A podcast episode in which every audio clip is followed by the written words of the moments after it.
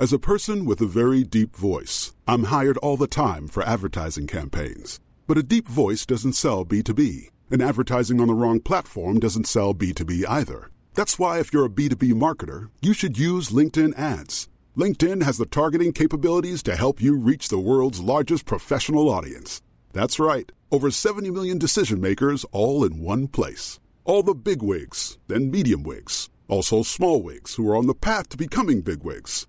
Okay, that's enough about wigs. LinkedIn ads allows you to focus on getting your B2B message to the right people. So, does that mean you should use ads on LinkedIn instead of hiring me, the man with the deepest voice in the world?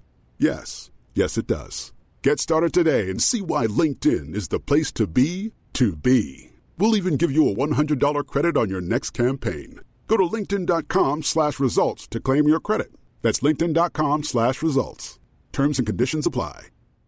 As a person with a very deep voice, I'm hired all the time for advertising campaigns. But a deep voice doesn't sell B2B, and advertising on the wrong platform doesn't sell B2B either. That's why, if you're a B2B marketer, you should use LinkedIn ads. LinkedIn has the targeting capabilities to help you reach the world's largest professional audience.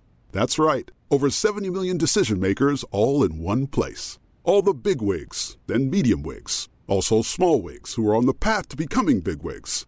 Okay, that's enough about wigs. LinkedIn ads allows you to focus on getting your B2B message to the right people. So, does that mean you should use ads on LinkedIn instead of hiring me, the man with the deepest voice in the world? Yes. Yes, it does. Get started today and see why LinkedIn is the place to be to be. We'll even give you a $100 credit on your next campaign. Go to linkedin.com slash results to claim your credit. That's linkedin.com slash results. Terms and conditions apply.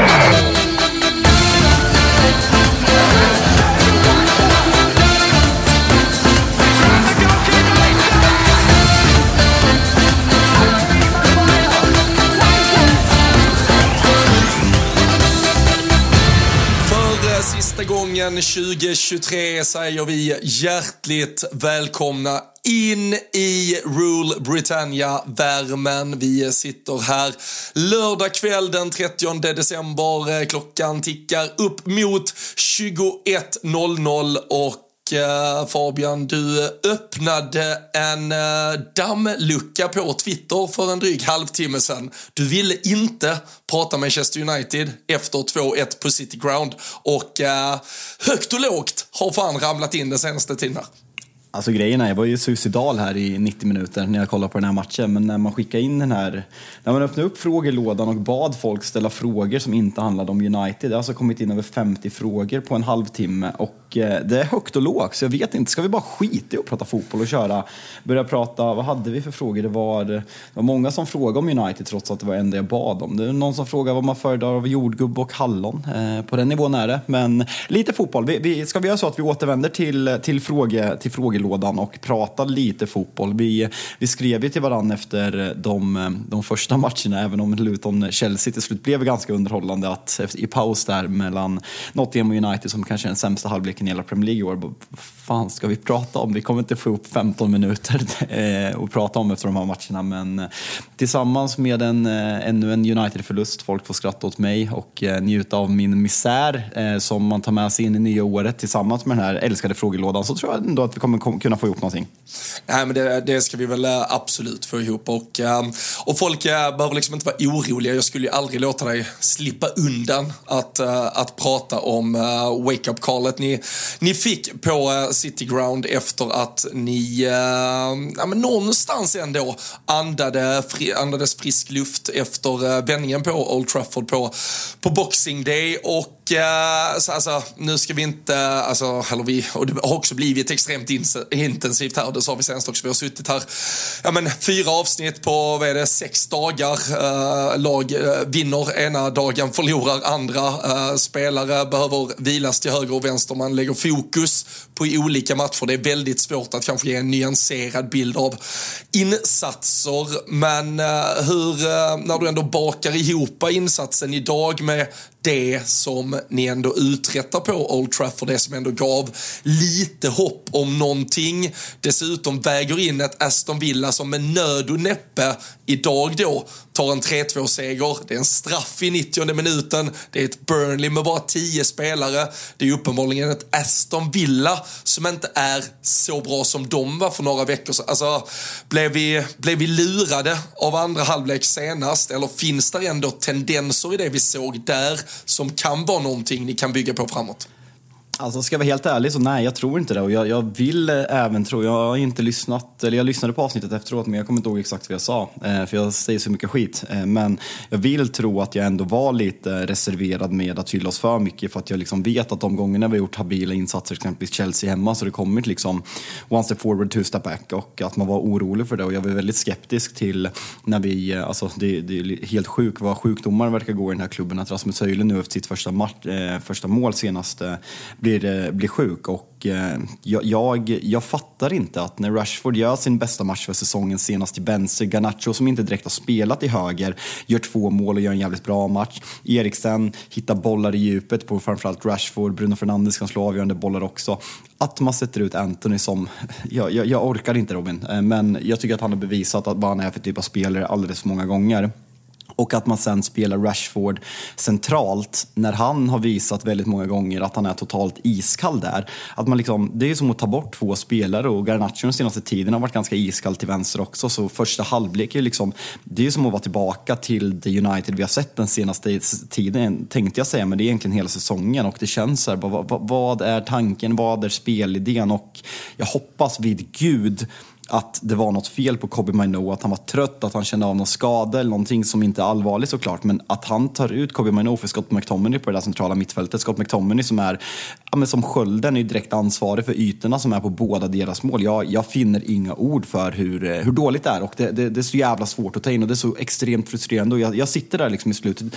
Jag, eh, jag sitter mer och kollar på frågelådan än vår så kallade forcering för en kvittering i slutet. För jag kände även när vi gör 1-1, jag, jag Alltså det är så dåligt och det blir inte bättre. Och jag blir så provocerad att det inte är bättre, att det inte finns några linjer i det här spelet. Sen kan folk sitta och ta ut klipp när United är bra i speluppbyggnad och säga att det är Erik Ten Hags taktik. Jo, men vad fan. Du kan ta ut en bilder från, från Varbergs säsong och hitta bra spelsekvenser på 30 allsvenska matcher. Jag är så, jag är så jävla trött på det, och jag, det Även om vi hade vunnit den här, även om vi hade vänt i 2-1, jag hade inte kunnat gå in i den här podden och vara glad. För vi är så fruktansvärt jävla dåliga så jag finner inga ord.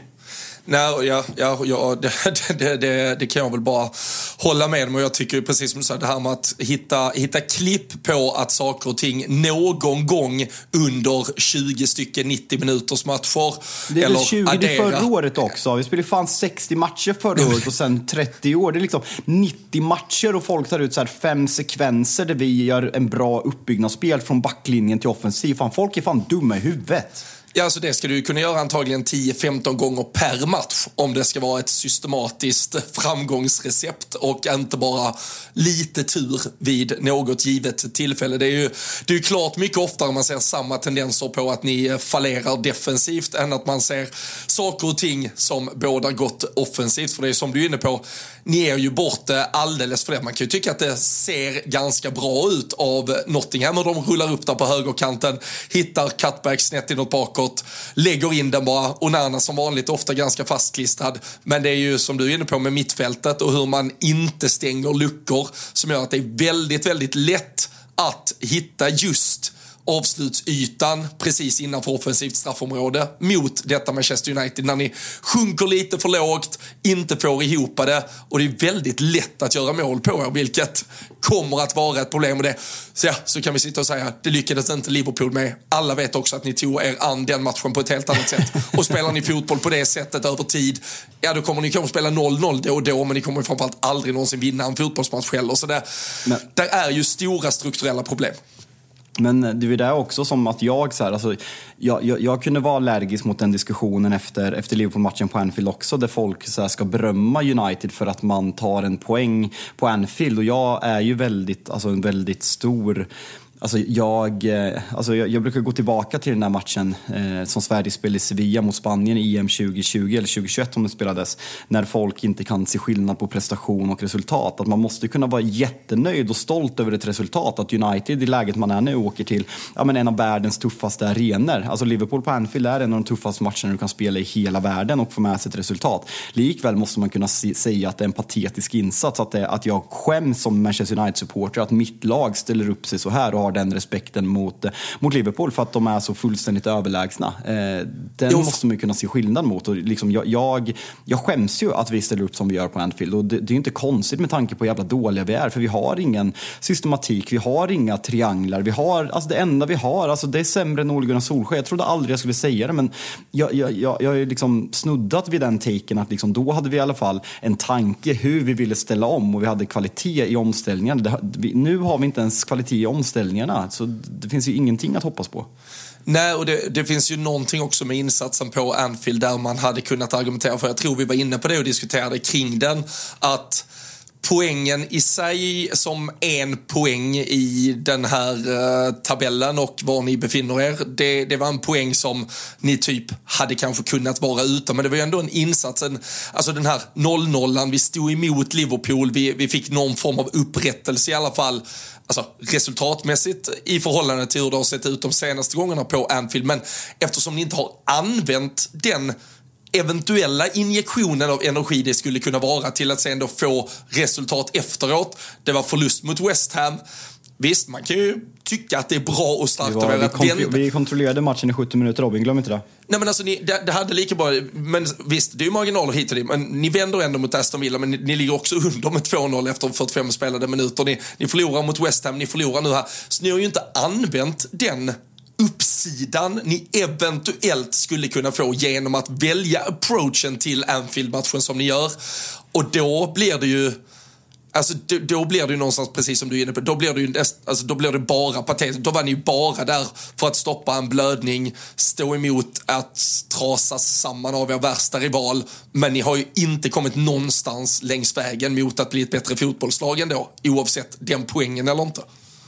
Nu, nu tar jag, det var ju du som skickade det till mig, men jag ställer frågan till dig så att vi delar med den till, till våra lyssnare. Vet du vem som har gjort eh, flest mål av äh, Rob Holding och Anthony i Premier League 2023? jag, jag, vet att det är väl, de är väl lika på ett va? Om jag inte är ja. helt fel. Ja, jajamensan. Ja, Men en, en ärlig fråga Robin. Eh, om, eh, det, var, det var en kompis, Anton, som skrev till mig privat. Eh, om vi skulle sälja Anthony nu i januari, vad, vad får man för honom? Alltså får man 20 miljoner pund? På det, alltså lägger någon det? Med tanke på lönen han har.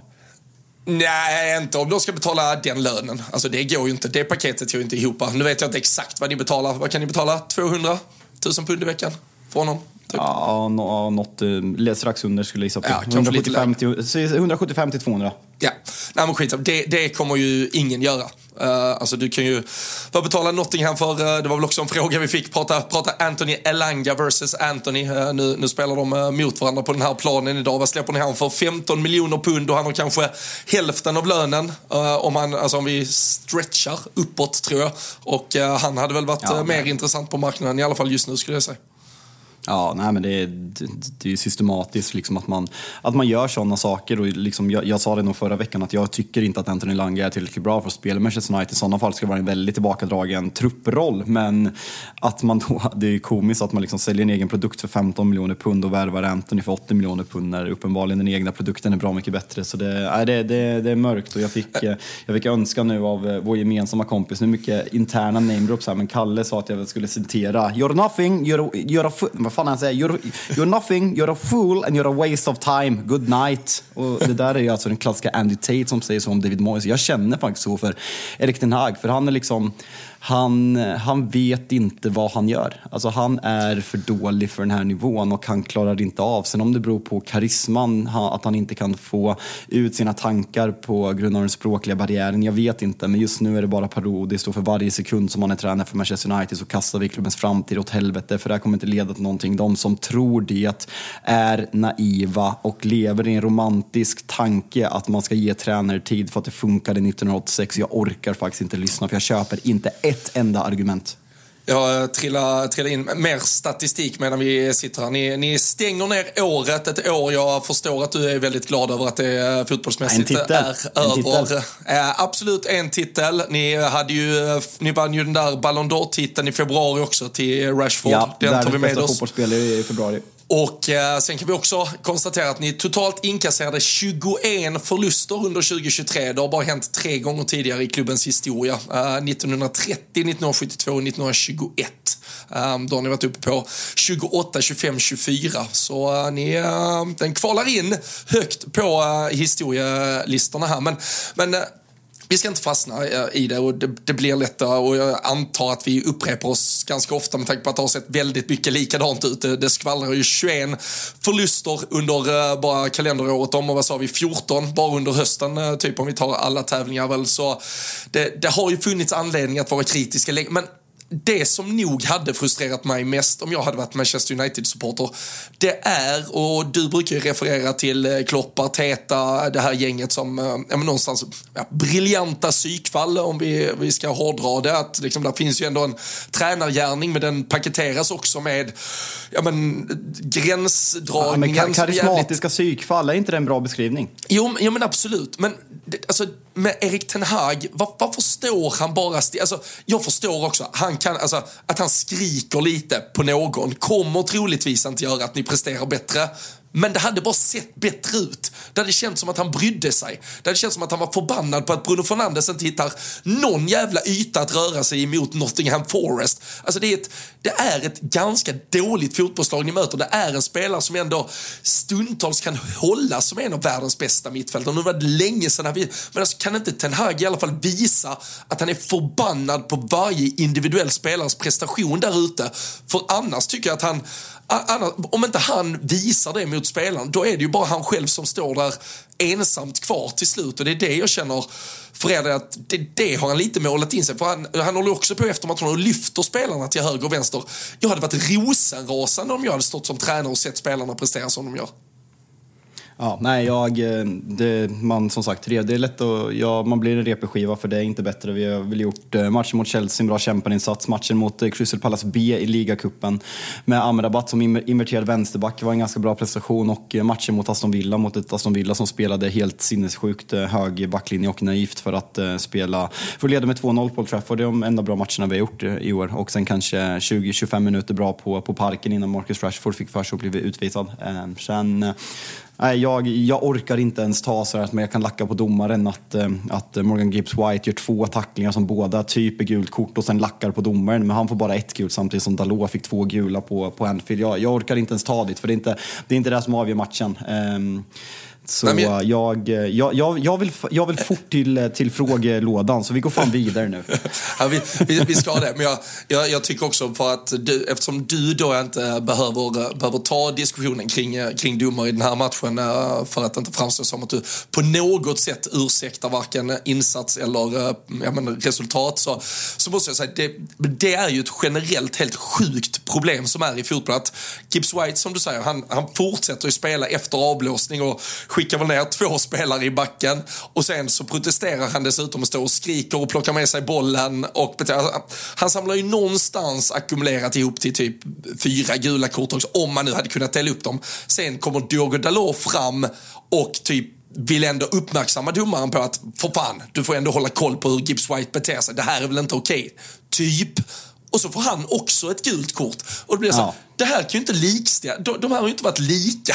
Alltså de har inte varit lika störda de här två spelarna. Alltså Gibbs White har varit mycket, alltså, så och, och, vi kan ju inte ha den låga ribban för vissa gula kort när det är så jävla, du kan ju aldrig nå upp till, ja du kan ju det om du är Diogo Dalot och det är Michael Oliver som är domare. Då kan du ju nå upp till ett rött eller kort Martinelli och det, Eller Martinelli och det är Michael Oliver som är domare. Precis, men det är, det, det, det är helt sinnessjukt att en spelare kan bete sig typ hur som Och sen det, den som, det hade vi i början av säsongen också på ett par vansinnestacklingar och då fick ju även spelaren som då flaggade upp så här, gjorde det här korttecknet, så får han också ja. gult kort. Man bara så okej, okay, jag försökte bryta mitt ben och jag försökte bara visa att det här borde väl vara gult kort. Att båda de grejerna är gula kort. Ja. Nej, men eh, som sagt, vi går inte in i den domardörren. Då vet du att jag kan fastna där ett tag, så det, det vill, ja, det, det, det, vill ingen, det, vill ingen lyssnare heller ha. Nej, nej. vem dömer Liverpool på måndag då? nu, vi, vi pratar inte Liverpool än. Vi väntar. Vi väntar. Nej, då skiter vi och pratar Liverpool på avsnittet tycker jag. Det kommer nästa vecka. Eh, nästa veckas avsnitt. Eh, Luton-Chelsea, jävla, jävla match eh, ändå. Cole Palmer ska berömmas. Luton sista 20 minuter. Underhållande. De är jävligt, eh, vad fan säger man, stenålderslika i sin approach till att spela fotboll. Men lik fan är det häftigt att man kan få det där trycket på den där lilla arenan och stå för den. Vad är det? Det är väl två ramträffar, ett bortdömt mål och två mål sista 30 minuterna mot ett jävligt pressat Chelsea. Och det kändes verkligen som att Chelsea spelarna efter matchen, de vann. Men det kändes så här bara, fan, vi är så jävla dåliga. Alltså typ att de knappt, det där som jag var inne på förut, att man knappt kan glädjas över en vinst. Nej, alltså Thiago Silva, han bara pustar ut och så tittar han runt omkring oss. Alltså ni är så är jävla jag? usla ni alltså. Fy fan vilket haveri till fotbollslag jag har hamnat i känner man ju. Men, äh, men det här var väl alltså det var väl 90 minuter eh, Chelsea hösten 2023 i koncentrat i stort sett. Cole ja. Palmer, fullständigt jävla briljant. Jag tror, nu gör han väl någon tävlingsmatch med City i början av säsongen, men jag tror han är uppe i 16 mål plus. Han gör väl mål i eh, Supercupfinalen va? Ja, det, det kan Ja, precis. Jo, det är det. Exakt. Och, eh, nej, jag tror han har 16 mål plus assist här under hösten. Och eh, har ju varit mm. Chelseas överlägset bästa spelare. Kanske tillsammans med Conor Gallagher. Tänkte vi kan, kanske kommer till honom en sväng här också. Men, eh, men sen då också att offensiven hänger väldigt mycket på individuella prestationer och defensivt och strukturmässigt så saknas det ju fortfarande supermycket. Du, du ska ju Vem inte kunna gå... Gilchrist? Men alltså, vilket psyk. Aldrig på, tal om psyk. Han verkar helt jävligt bra. Han kom ju in både mot Crystal Palace, var det senast också? Jo, det var det ju när de red ut stormen där när vi satte vår trippel senast. Och uh, nu kommer han ju också in uh, som högerback. Han är, alltså, han är så jävla energisk. Alltså han är helt, han ser helt galen ut. Måste ha varit, eh, det får väl Chelsea-fansen gärna eh, liksom spela in eh, mig på mer och vi kan väl prata med Joano om det lite längre fram, i alla fall om han får mer speltid dessutom. Men luktar, stinker att han har varit lagkapten i varenda ungdomslag i Chelsea liksom sen han var åtta. Och du vet, han går man rätt... hatar sådana spelare, man hatar sådana spelare. Ja men alltså Chelsea är hans, alltså han går också ut där fast att det är typ debut och så, han bara styr och ställer och skriker till varenda jävla spelare hur mycket mandat de än har som, liksom, du vet, det kan vara VM-guldmedaljör och det kan ha gjort 50, 60, 100 jävla matcher i Premier League. Han skiter i. Det är hans jävla lag och han ska in och styra. Lite Jay Spearing över honom är det ju också från, äh, från har, Liverpool. Har vi några mer exempel på, på egna produkter som har varit kaptener genom alla åldrar? United hade ju, vad fan heter han, Axel Tuansebe. Han utstrålar ju inte den, men jag vet att många pratar om att han är så jävla bra och han har varit kapten i alla ungdomslag i United. Alltså Liverpool hade ju Connor Cody kom ju sen också. Han har ju lite Just, den attityd. Ja. Du ser ju ändå det på honom även nu när han har varit i både Everton och Wolves uh, sen efteråt. Liksom.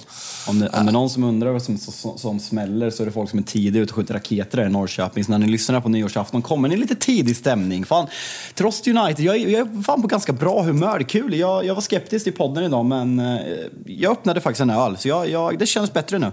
Du, det, det, tycker jag att du ska, ska unna dig. Men, eh, men fan, eh, Cole Palmer, eh, jag, jag hörde kommentatorerna sa, jag tror det var, var det Tennisberg kanske som kommenterade, Martin Åslund satt i alla fall bredvid och så sa han Cole Palmer kan ju bli en nyckelspelare för England under EM. Då, då Åslund tog ett djupt andetag och sa, ja alltså, han konkurrerar ju med Jude Bellingham här vet du. Men hur, hur viktig tror du att Cole Palmer skulle kunna bli för ett engelskt landslag? Är han ens, är han ens given i en trupp?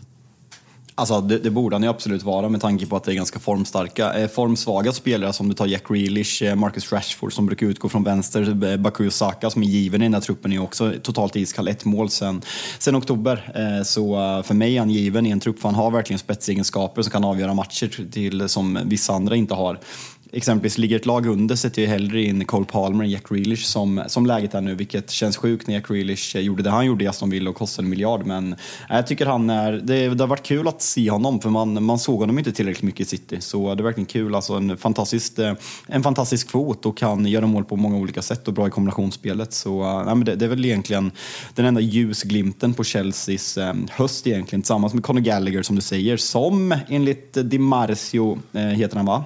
Mm. Eh, ryktas till Tottenham och det är så här när de här jävla italienarna kommer och man, man är så här, hur bra källa är de egentligen? Så jag skrev faktiskt till Svanemar och frågade och han eh, höll ju honom i klass med Romano. Eh, så um, bra källa helt enkelt. Ja, och framförallt så, så har det väl funnits eh, väldigt mycket i, i, italienskt eh, kopplat eh, sportslig liksom, eh, vägledning till eh, Tottenham de senaste åren. Och de tittar väl även, eh, de tittar även på mittback från eh, Genoa, eh, rumän där som, eh, som ska vara ett alternativ. De vill ju få in något illa kvickt. Eh, det snackade vi med Ryn om senast. På den eh, mittback och en innermittfältare vill man väl ha på plats.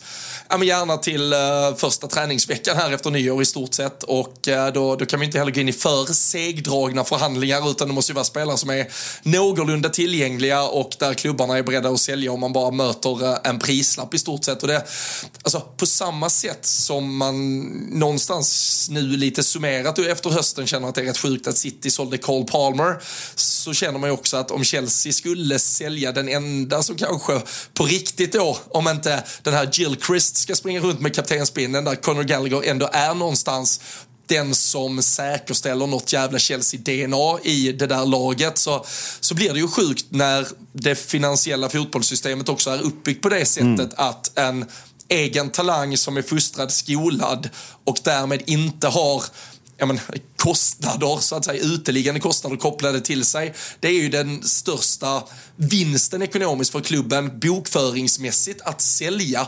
Säljer du en spelare som har kostat på pappret noll och säljer han för en halv miljard, då kan du ju istället du kan ju ha fem spelare, du kan köpa fem spelare för en halv miljard då istället på femårskontrakt. Skriva av det så går du ju netto noll det året så säljer du varje år en spelare för typ en halv miljard så kan du, som du har fostrat själv. Sen är det ju inte alltid du kan göra det, men du kan ju se det även för 2030. Vi har pratat Liverpool med ja, men, yngre spelare som Ibe, Brewster, Solanke, spelare man har sålt tidigare. Det, det är ju net, alltså, eftersom nettovinsten är så jävla stor så kan du ju då skriva av massa nya kontrakt och kvitta dem mot den här förtjänsten. Men det blir ju jättesjukt att det bästa för Chelsea ekonomiskt är att sälja talangen de har fostrat själv och istället köpa en annan talang från en annan klubb. Det, det känns som att det är något skevt i det systemet.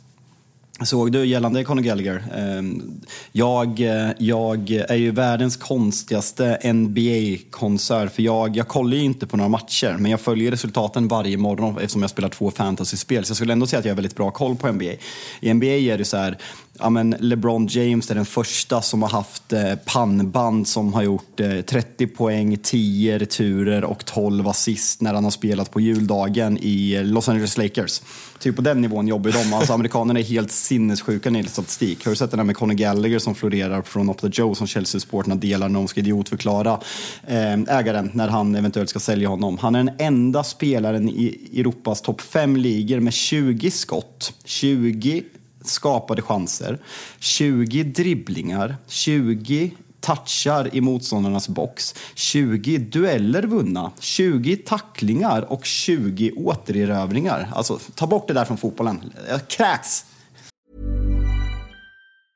Normally, being a little extra might be a bit much, but not when it comes to healthcare. That's why United Healthcare's Health Protector Guard fixed indemnity insurance plans, underwritten by Golden Rule Insurance Company, supplement your primary plan so you manage out of pocket costs. Learn more at uh1.com. Finding your perfect home was hard, but thanks to Burrow, furnishing it has never been easier.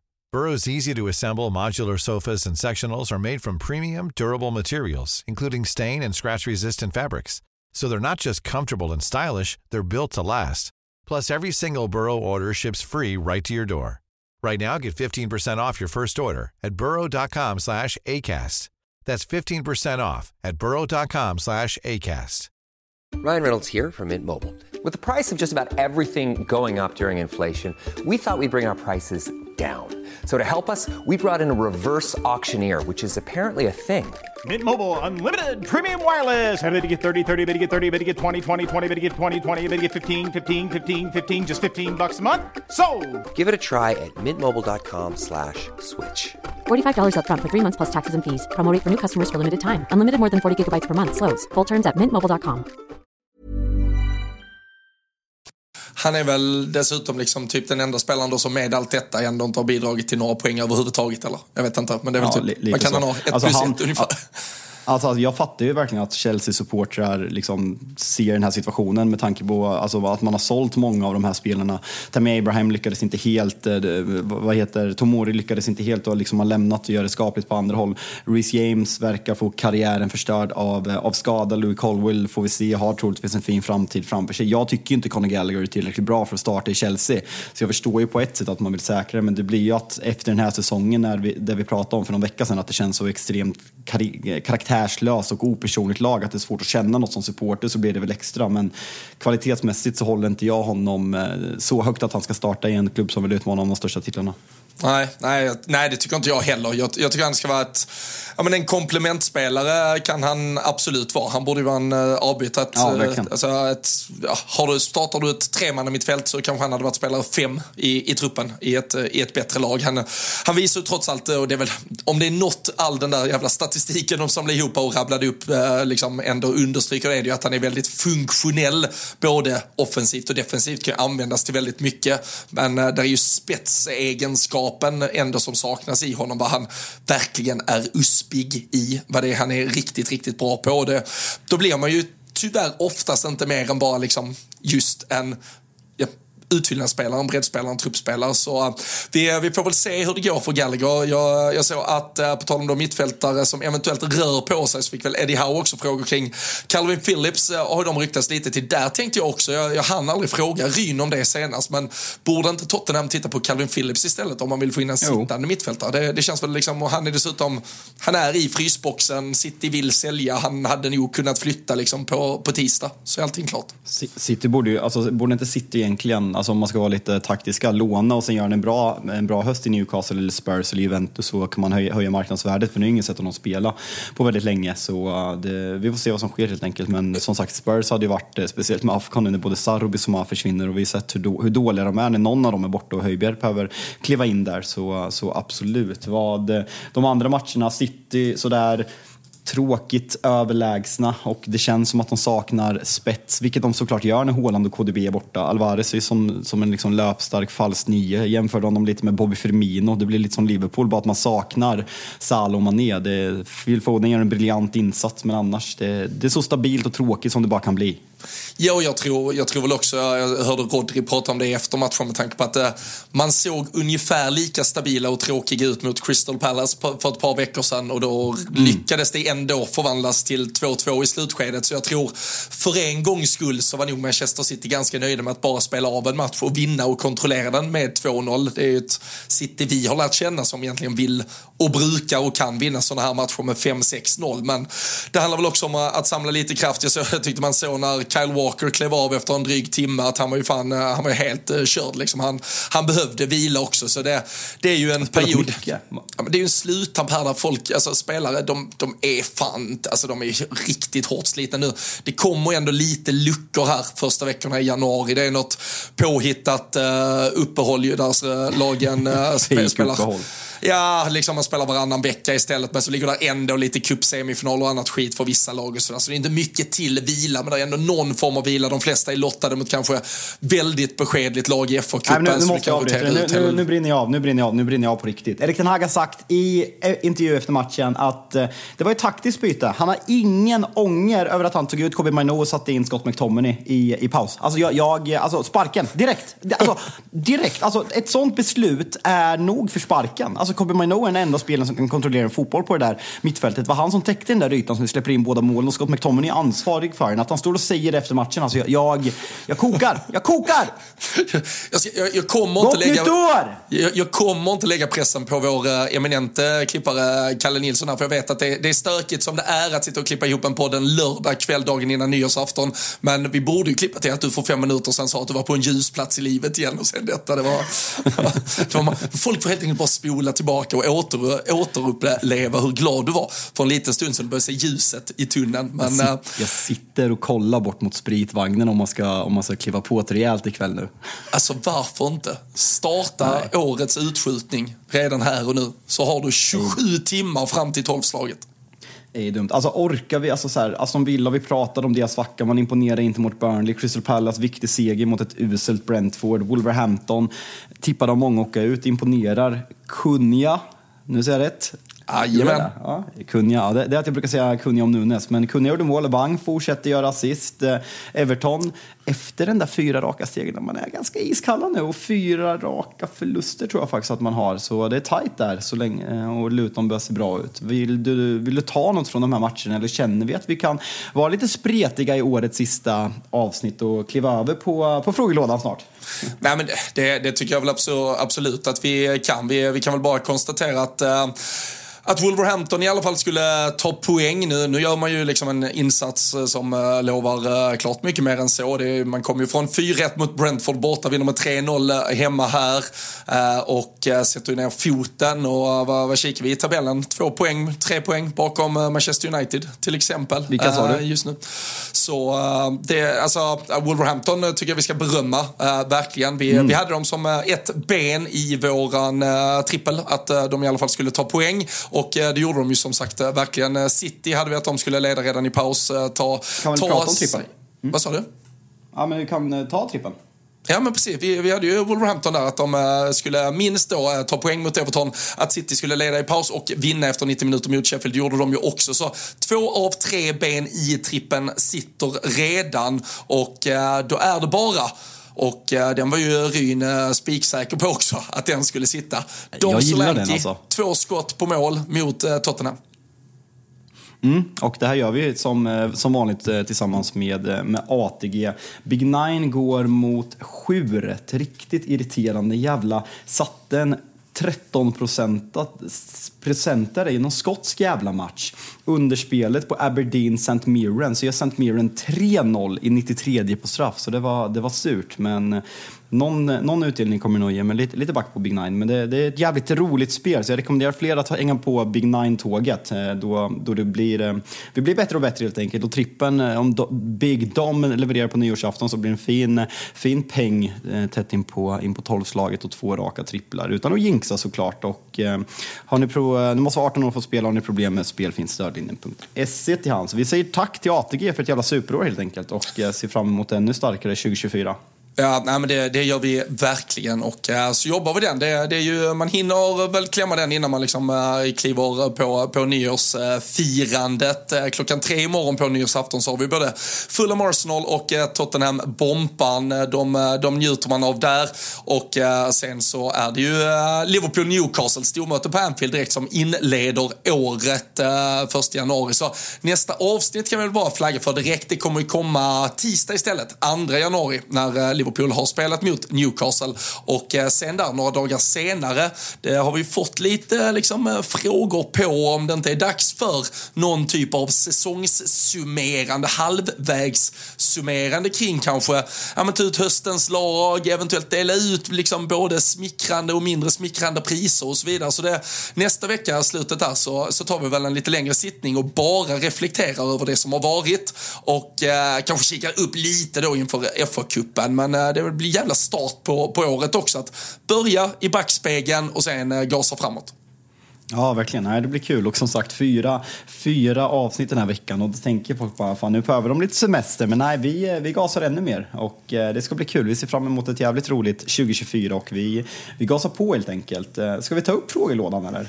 Alltså, går det ens att sortera? Jag, bara, jag ser bara 20 plus notifikationer. Det har liksom bara kommit mer och mer och mer under den här halvtimmen vi har suttit här. Så jag, jag, jag vet inte, vad, vad, fan, vad händer ute i etern medan eh, vi sitter här och snackar? Finns det någon mer överskattad högtid än nyår? Frågar Kalle Ponken. Ah, det finns, alltså påsken är ju totalt värdelös. Ja, alltså jag gillar ju nyår. Alltså midsommar är väl topp ett, men nyår, jag gillar ju att klä upp mig, sätta på smokingen, sätta, knyta flugan och eh, ja, men inhandla champagnen. Och, eh, imorgon blir det lite, varit lite spontant imorgon, men jag brukar gilla att liksom planera en trerättersmiddag också och lägga stor eh, värdering i det. Så jag, jag gillar nyår. Ja, men jag, jag, jag håller med. Jag, jag gillar också det. Det fixas och donas i eh, huset uh, as we speak. Vi, vi drog, uh, jag vet inte. I är det Danmark ni? igår. Ja, ja, jag var i Danmark igår, ja, mycket, mycket trevligt. Jag var ute på en liten väldigt Fa- Fabian Jalkemo-inspirerad barrunda med väldigt fina cocktailstopp längs vägen. Såklart ett och annat billigt. sunkak också när när man är i Danmark. billigt i Danmark. Det är väldigt dyrt i Danmark just nu. Det ska, det ska gudas. Så såklart när man eh, öppnar Aftonbladet idag var det ju något eh, reportage om eh, hur dyrt det är i Danmark. Man kan inte ens äta lunch under 400 spänn eller något sånt. Jag kommer inte kolla kontoutdraget från nyår. Men nej, nej, vi ska det- det- nyårsfest här hemma. Så eh, det är mycket Ja. som ska fixas och donas mitt i allt. Ja, nice. När jag, det, var, det var nice när jag var i Danmark och kollade på, på United. Då hade ju eh, ett ställe som ligger vid tågstationen, The Irish Pub, hade ju abonnerats på något sätt. Eller de hade väl sålt in det så att det var billig öl till United-supportrar. Då hade någon specialdel. Så vad fan kostar det? Typ så här 20 danska för en pint tror jag. Så det är väl 30 spänn typ. Så där, då var det helt sinnessjukt. Och sen så, sen så insåg man på kvällen, jag har varit där tidigare också i våras och eh, även med dig, att det är, men det är, helt, eh, det är helt sinnessjukt. Ja, nej, men som sagt, den står ju typ i 1,50 i kursen där, så äh, även om det typ är svenska priser på menyn, liksom en, ja, men en, en, en vettig cocktail för typ 130 spänn, så, så är det ju över 200 när man äh, börjar summera sen. Så det, alltså, sånt är livet på andra sidan sundet. Men äh, det, det är väl inte bara, jag såg visserligen på ta, nyss nämnde Kalle Nilsson tyckte vi skulle snacka topp tre fyllor för Bylund i Danmark, men jag tror att det hade behövt censureras för mycket faktiskt. Så kanske får vi andra frågor från frågelådan vi lyfter upp. Alltså jag har ju sett dig typ full efter den här danska glöggen och där var ju där enhet nummer ett, vilket säger någonting om den där danska glöggen. Vad, eh, vad har du, Anna, har du hittat några favoritfrågor där eller vill du att jag plockar någonting eh, längs vägen här? Nej men vi kan väl köra varannan och sitta och scrolla igenom lite, Ja, se det hur långt det, det tar oss.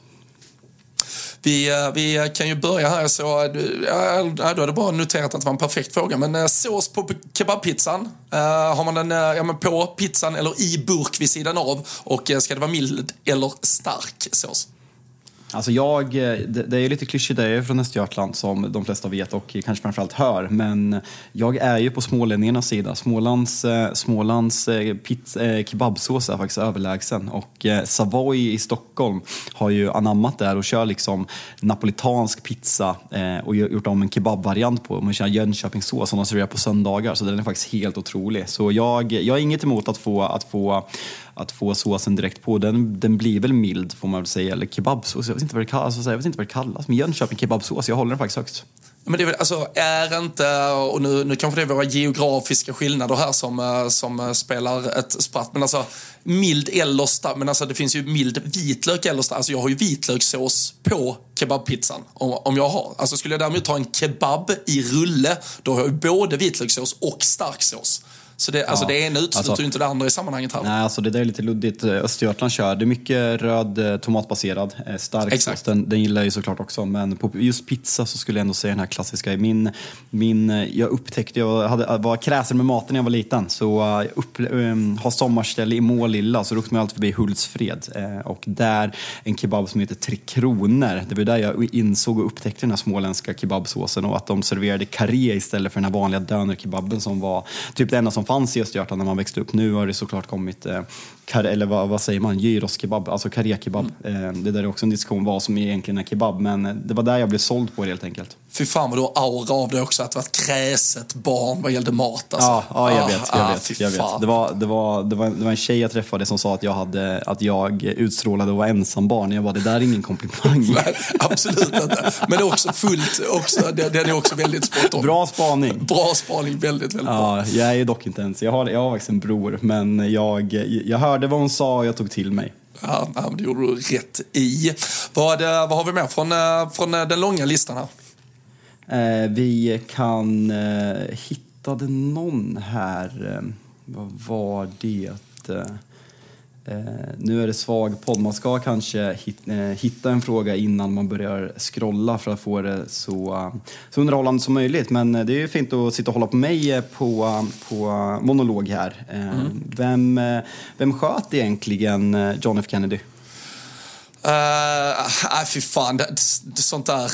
Det, det, nej. Har, du någon, har du någon annan konspirationsteori som du brinner för?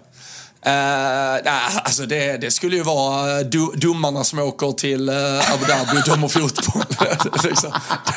det, det, det, Du landar i domare. Du får fråga vem som sköt John F Kennedy i Dallas och vi landar i konspiration ja, med Paul Tiernys Liverpool-hat. Ja, men jag såg ju nu, det var ju, det var ju någon Liverpool-supporter som hade tagit det riktigt långt. Nu hade de ju dratt. Hur hade det sett ut om domarna i Premier League hade åkt till Boston och på FSGs arena då, uh, i, i Boston dömt fotboll träningsmatcher för mångmiljonbelopp varje vecka och sen dömt i Premier League. Liksom. Nu, nu är Liverpool Twitter går fullt rabiat åt, äh, åt skogen här. Så det, det kommer byggas konspirationsteorier, tro mig, som vi, vi kommer kunna ha med oss. Ja, nej, det är så... Jag är trött på det. Trött på det. Väldigt trött på det. Men du, vad är eh, viktigast vid eh, nyårsmiddagen? Det, det undrar Anton. Ja, fan det där är svårt alltså. Men jag, jag, jag som sagt det var spontant igår, så jag är ansvarig för, för, för snacket. Så jag, jag tänkte att eh, ja, men en, eh, en flaska champagne som jag har fått eh, rekommenderad av ett nyhetsbrev jag prenumererar på av Alf Tumble. Rekommenderar till alla som gillar vin i kombination till mat och han eh, rekommenderar de tio bästa släppen eh, varje månad. Eh, så jag tänkte dra den här klassiska, köpa lite, få se vad det blir för chips, om det blir liksom västkustsalta eller om det blir lantchips, eh, lättsaltade. Och och eh, sen kör lite smetana, lite löjrom och, eh, och rödlök till och sen champagne till det. Så det, det, det är vad jag står för imorgon. Sen om det är viktigast, nej det vet jag inte men det, det, är, min, eh, det är mitt bidrag imorgon i alla fall. Det viktigaste är väl sällskapet Fabian, eller hur? Nej, fy fan vad klyschigt. Kräks. Uh, Okej, okay, uh, vad har vi här? Uh, bästa, bästa popcornen, vet fan, det är inte så jävla trevligt kanske att prata om. Men, älskar uh, popcorn topp fem eh, mest avskyvärda spelare i Manchester United sedan 13-14. Det behöver vi väl inte, men uh, vi hade någon annan som var inne på liksom spelare man, man hatade åt uh, respektive lag. Du var väl ganska snabb med att Suarez är liksom ohotad etta. Men har du någon sån här low key? Andy Robertson vet jag att han ofta nämns. Är det någon annan Liverpool-spelare mm. du tycker riktigt illa om så ska jag väl grubbla på någon United-spelare tänker jag. Alltså de två är nog ett och två. Alltså Suarez är nog den spelare genom tiderna som jag har, jag har hatat mest. Och det liksom fick ju sin peak i hela den där eh, med Evra-gate och liksom Liverpool-supporternas försvar av Suarez och sen när han vägrade ta Evras hand i, i matchen på Old Trafford sen. Så, så mycket har jag faktiskt aldrig avskytt en spelare någonsin. Och då har jag ändå försvarat Suarez hands i, i VM mot, eh, mot Ghana som ett genialt. Det, liksom, det stöttar jag till 100%. Men Suarez solklar etta. Försöka hitta någon mer så här low key. De, de är de är svåra och man måste nog gå tillbaka ganska mycket för att, eh, för att liksom hitta en eh, fan, det, det är lurigt alltså. Dirk Kuyt kunde jag ändå uppskatta, för han var så en jävla omodern trubbespelare redan då, men ändå fantastisk på något sätt. Eh, Xabi Alonso tar jag alltid som exempel som min favoritspelare i Liverpool genom tiderna. Eh, går inte att tycka illa om. Alltså jag, det finns, nu när man sitter, det är ganska, det är ganska roliga Liverpool-lag som har funnits genom tiden. Kanske framförallt där runt 2008-2009 med Jussi Benayoun, Albert Herrera, eh, vad heter han, Insua, eh, Arbeloa, Carragher, Agger. Eh, Skärte Lilja aldrig. Jag, tyckte, jag såg aldrig hans storhet och sen riktigt så här small dick energy, att han ville leva på att han såg så jävla hård ut. Han och Agger i kombination som mittback. Eh, mittbackar, mittbackar gillar jag inte och liksom Liverpool-fansens vurm kring dem också, att de var så jävla hårda och tuffa. Det, det spydde jag lite på. Ja, men det var alltså Don, Daniel Agger, alltså bara när du, när du nämner hans namn, fy fan, han gör ju mig varm i alltså när, han, när han tatuerar in i en WA på knogarna också, du vet liksom. Alltså. vad hade, vad, vad, vad, du får dra den liten snabba anekdoten nu, men sången ni sjöng om eh, Fernando Torres eh, började ju, eh, His armband proved he was a red. Eh, vad, vad kommer det ifrån? Han hade ju i eh, när han var kapten i Atletico Madrid så hade han ju på, mm. på insidan av kaptensbindeln vid, vid något tillfälle så rycktes den av och så ser man att då är det broderat You never walk alone på insidan av den uh, kaptensbindeln. Det. Um, det är en visuellt, uh, alltså Suarez är ju den bästa spelaren som har spelat i Liverpool. Uh, alltså den säsongen han gör 13 14 Exakt. är det va? Eh, är kanske den bästa säsongen jag sett någon göra i Premier League, men Fernando Torres, hans visuella löpstil de där säsongerna mellan 06 och 09, det, det är svårt att glömma. Fy fan vad bra han var.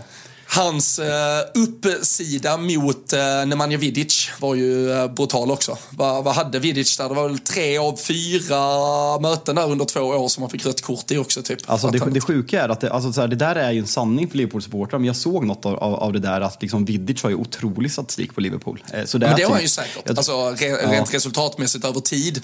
Men det var ju väldigt, eh, alltså till en komprimerad eh, tidslinje där det på Ja, typ fyra, fem möten så blev det tre röda kort. Och det är ju Ja, rött i 4 krossen på Old Trafford. Precis. Så, äh, alltså, och jag, jag, jag har ju svårt för, alltså, det känns som liksom, ni var, ni var för, för bra för oss äh, ganska länge och sen var ni för dåliga. Det, och det är ju fan, alltså, jag såg i något annat sammanhang folk som diskuterade, jag vet att vi har diskuterat det, att vi inte har mötts i en cupfinal sen, vad fan sa vi, 2000 typ sex också eller något sånt. eh, Eller vad fan det blev. Det är Nej, tidigare. Tidigare jag, jag, till och med 2003 tror jag eller någonting. Tju- Ja, något sånt. vara? 2001, 01, Alltså, 03. det- det är ju- det är faktiskt sjukt. det är bisarrt att Englands två största klubbar typ inte har varit bra samtidigt någon gång. Alltså det är samma sak.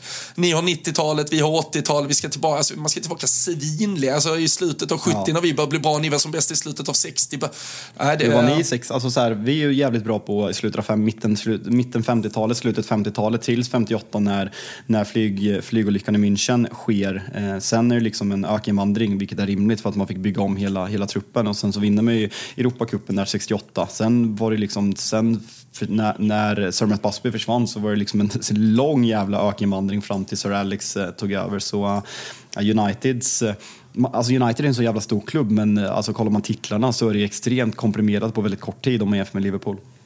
Ja, och alltså för Liverpools del så, så, så börjar det ju så sakteliga i, uh, vad är det, det är väl typ, uh, ja, skiftet 50, 50, 60, 59, 60 som Bill Shankly kommer in i, i, i klubben liksom och, och gör, gör saker han börjar göra därifrån liksom uh, och så vidare. Så det, där, där startar ju resan för Liverpool, men uh, det är ju först i, i slutet, det är ju Bill, eller vad säger jag, Bob Paisley sen som egentligen skördar all rejäl framgång och han är ju en klart större vinnare vad gäller titlar än vad Bill Shankly är, även om de flesta supportrar håller Shankly som den man han var och eh, framförallt det namn han har blivit i, i supporterkretsar liksom högre. Men eh, det är ju först senare egentligen framgångarna kommer på riktigt.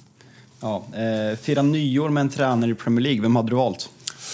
Oh, ja, det, oh, det blir ju så tråkigt, men äh, det är klart jag hade suttit med Klopp alltså, och Nej. druckit bärs med honom. Jo, alltså, Vad vi- han druckit? Jä- Jäger och eh, Kölsch eller?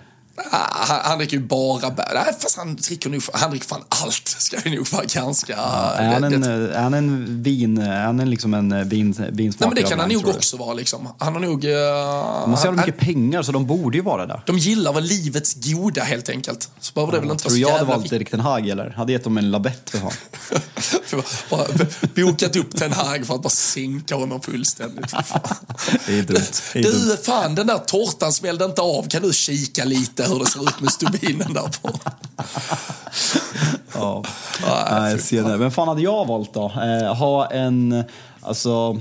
Ja, men kan vi inte sätta Mm. ihop ett nyårsbord istället? Eh, man får eh, en, eh, en aktiv spelare i Premier League, en före detta spelare i Premier League och en eh, tränare. Det, det får vara valfritt. Så tre, tre man runt ett bord. Ni blir placerade Må, fyra måste pass. tränaren vara aktiv eller? Nej, det kan, välj själv. Ja, den, den blir väldigt, den blir väldigt eh, enkel för mig. Eh, Men ni ska också ha trevligt. väldigt- Du ska fan, det ska landa i att det där kan gå ihop också. Ja, sant. Alltså så här, Sir Alex, eh, han är åldrad. Eh, frågan är hur vass han är. Alltså, såg du, på tal om åldrade, så- såg du support, eller gubben som satt och sov på City Ground idag också? eller missade du det? fullt, fullt rimligt. Helt Fullt otroligt. rimligt. Rimligt.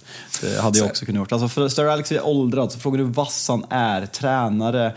Alltså, Louis van Gaal alltså. Louis van Gaal, Eric Cantona och...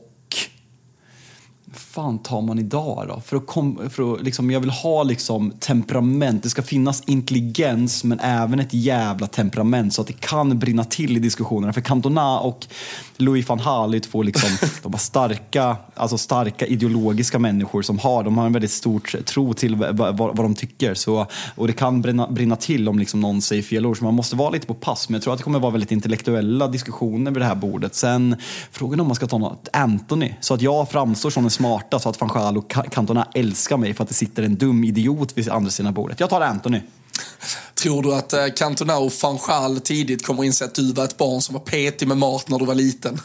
De kommer alltså... bara hata på Anthony så vi kommer gå ihop oss, vi tre och gadda ihop oss och prata, ja, det... kommer, prata, kommer prata dikter och, eh, och eh, ja, det blir kul. Det, mm, ja, alltså från, från dagens Premier League och Liverpool så vem fan hade man, alltså det behöver inte vara Liverpool. Nej, det behöver ju inte vara det, men det är väldigt svårt att säga att det skulle vara någon... Alltså det, det hade ju varit trevligt att ta med Glenn Hussein också. ja, Glenn Klopp. Prata om Baloo. ja, fy fan. Uh, vem hade man uh, mer kunnat ta? Men, uh, nej, men jag, uh, Xabi Alonso har ju alltid framstått som uh, liksom, extremt både jävla vältalig, intellektuell och bara, ja, och så är han liksom bara perfekt som människa typ. Så Xabi Alonso, Klopp och och fy fan vad du hade stört dig på att jag hade frågat saker om ledarskap och tränarförutsättningar på de här två ja, Men äh, vi tar, vi slänger in van Dijk också. Fy fan. Xabi Alonso, nej, van Dijk och Klopp. Nej, nej, Vilken middag. Men det, är så, det, är så platt, det är så platta svar. Alltså jag finner fan inga ord. Det här är det sämsta du har gjort i poddens historia. Ja, men vad fan är du? Du vill ju sitta och reta Anthony. Det är ju mycket mörkare. Van Gaal och Cantona, alltså, alltså dina gubbar, de, de förtjänar inte ens att knyta deras skor i, i så här, alltså, intressanta människor. Vi är alltså, olika. En, perfe en perfekt jävla bask med perfekt skägg, ett, ett tyskt psykfall. Jämför det med liksom vad Louis van Gaal har varit med om. Prata om liksom livet, Cantona, skriver poesi, har, blivit artist, jag hade, jag hade gör konst. Jag hade tagit in Mourinho. Vi, ja, vi skickar någon då. Vi, vi skickar... Uh, vi skickar, jag hade suttit med Xabi Alonso, Klopp och Mourinho. Hade jag suttit med. Ja, nu, du, alltså, riktlinjerna var ju en aktiv spelare, en ja, gammal du, tränare och ja, men det en... dömde du ju bort fullständigt, så nu får du ta vad ja, du får. Ja, jag följde ju reglerna. Du, du gick ifrån dem. Ja, ja, men så, det är ändå där vi landar, tyvärr. Så ja. är det. Vill vi, vill vi ta något mer eller ska vi, ska vi gå ut så länge tempot är, tempot är högt här eller? Uh, ja men det, det tycker jag. Jordgubb eller hallon? Fick vi fråga. Uh, hallon såklart. Alltså färska hallon är topp ett bär i uh, hela världen. Alltså det är inte ens en disk diskussion. Nej, jag tycker jordgubb, absolut. Uh, vem vinner dart-VM? Alltså jordgubb är ju jordgubb är överskattat. Mm. Kommer jag få hat nu eller?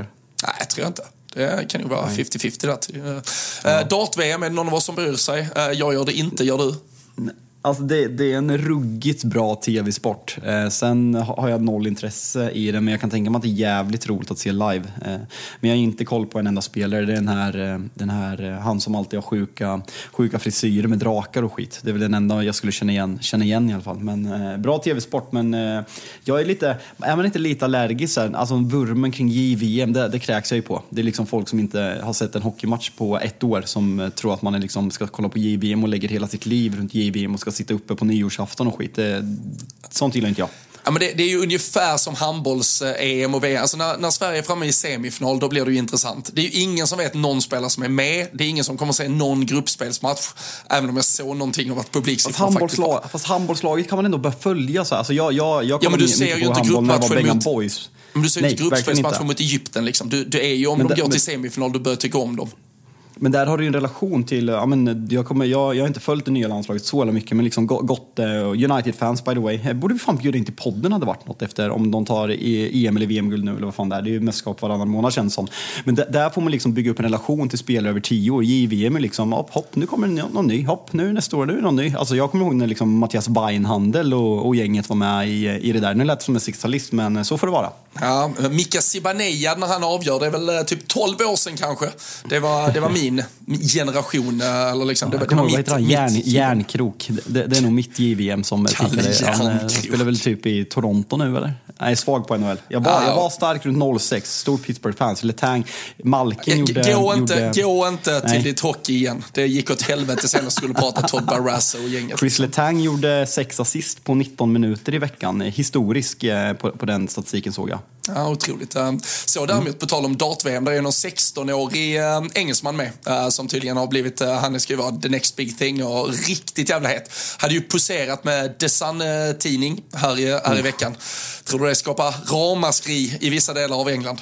Ej, ej smart. Såg du förresten när Carragher och Neville skulle kasta dart mot varandra? Carri- det är kul i deras tävlingar. Carragher är bättre på allt. Alltså det fysiska och det teoretiska. Men eh, dart var han iskall på. Iskall. Ja, men det har häng, fan, hängt för lite på pub. Eh, börjat bli Ja, liksom ja. bortskämd, åker på uh, yachtsemester och uh, sitter inte- på Ibiza och har det gött istället. Ska kan hänga på puben med polarna. Kan, kan, kan inte du och jag köra en trekamp någon gång på, på någon lördag efter vi har sänt eh, Totala Weekend? Vi, vi åker till Birka Bowling så finns det bi- biljard, bowling och eh, dart. Ej dum, ej dum idé. Alltså det är, vinner du inte med 3-0 så blir jag besviken. Alltså det, jag är så Är det så? jävla svag i den typen av sport. Ja, det är. Det är ju jag, inte är- jag är sport. ganska bra på dart faktiskt. Habil på det andra, men bra på dart. Ja, svindålig på data jag faktiskt. Det är jag nog sämst Ja. på faktiskt. Så, Nej, men vi får se. Det kanske kan bli content av det i alla fall. Uh, istället. Och kan- fotboll också. Det, det är väl det viktiga. Och framförallt så säljer de nog öl också. Va? Det är väl uh, Verkligen. liksom, en förutsättning. Unders, alltså, så här, alltså ganska bra burgare för att heta Birka Bowlingen då får jag ändå lov att säga. Shout-out till dem. Och eh, fan, framförallt en eh, stor jävla shout-out eh, till alla som har lyssnat. Det blev nästan en timmes eh, avslutning på året här också. Det tycker jag fan att vi kan credda oss själva för, även om det kanske sista halvtimmen bjöds på både liksom, lite, lite högre höjdpunkter och några lägre och lite svagare insatser. Men så, så blir det när vi sätter oss och lite spretigt plockar ihop en eh, näst sista fotbollsdag för året. Det avslutas som sagt eh, under söndagen med eh, två stycken matcher från Premier League. Vi har väl extra fokus då, eh, Fabian, här på att jobba in två skott på mål från Dominic Solanke mot Tottenham. Då sätter vi ytterligare en trippel också och det vore ett jävla sätt att avsluta året på. Det enda jag eh, kommer kolla på imorgon faktiskt, matcherna är samtidigt. Alltså, fan, ska, man, fan, ska man avsluta året på O'Learys Norrköping? hade fan varit ganska mysigt ändå att sätta sig och ta en öl och eh, kolla på de där matcherna. Det, det, det kan det fan bli. Känns ensamt på O'Learys nyårsafton 15.00. Nej, De ska faktiskt, eh, de ska faktiskt renovera, alltså det sista upp, öppen dagen på typ 5-6 veckor. Sen ska de göra, göra stora planer med nytt O'Learys i nya lokaler och göra Boston Grill av den gamla O'Learys-lokalen. Så det blir lite nostalgi att eh, uppleva lokalen sista, eh, en sista gång. Det var ju faktiskt, som jag sa, det är tack vare den lokalen jag sitter här idag. Alltså, först det, under hela hösten var det Retro som fick liksom airtime. Nu är det O'Learys Norrköping som får Birka Bowling Ja, med. jag, kände, jag, alltså jag kände ju, alltså, såhär, när, vilken match var det? Jag, eh, när, jag gick och såg West Ham-matchen, eh, jag, jag, jag skulle hem efter en inspelning den 23 december. Då gick jag till O'Learys och jag kände så här, alltså, ölen må vara dubbelt så dyrt men det är fan värt det. För vilket, alltså, det är så jävla mycket bättre ställe. Ja, jag, jag hör dig, jag köper det. Och uh, fan, vi fortsätt bara uh, kommentera in i, i tråden där med liksom, uh, både, alltså, det kan vara kloka frågor, får gärna också vara lite dumma frågor. Så kan vi väl bara hålla igång en härlig diskussion tillsammans och, och avsluta året på topp. Men nu börjar det bli sen lördag kväll, vi ska paketera ihop det här och skicka ut när ni lyssnar på detta. Så kanske det bara är några timmar kvar av 2023, kanske har ni till och med hållit lite på avsnittet och hunnit komma in i 2024. Så jag tycker väl Fabian att vi avslutar med att bara önska alla lyssnare ett eh, stort eh, jävla gott slut på 2023. God start på 2024 och eh, framförallt ett stort tack för att de varit med och lyssnat. Ja men verkligen. Alltså, första året för oss i konstellation och det har varit så jävla kul och eh, det är bara starten där. Vi, eh, vi kommer fortsätta, vi kommer fortsätta vara lika ambitiösa och ni kommer fortsätta få höra mig må piss och eh, allt jag önskar är att jag inte får podda med Robin dagen efter han har sett Wolverhampton på Anfield i den sista omgången och Liverpool har vunnit ligan. Det är min enda önskan för 2024. Så gott nytt år till alla våra kära lyssnare så ses vi på andra sidan. Ha det bra!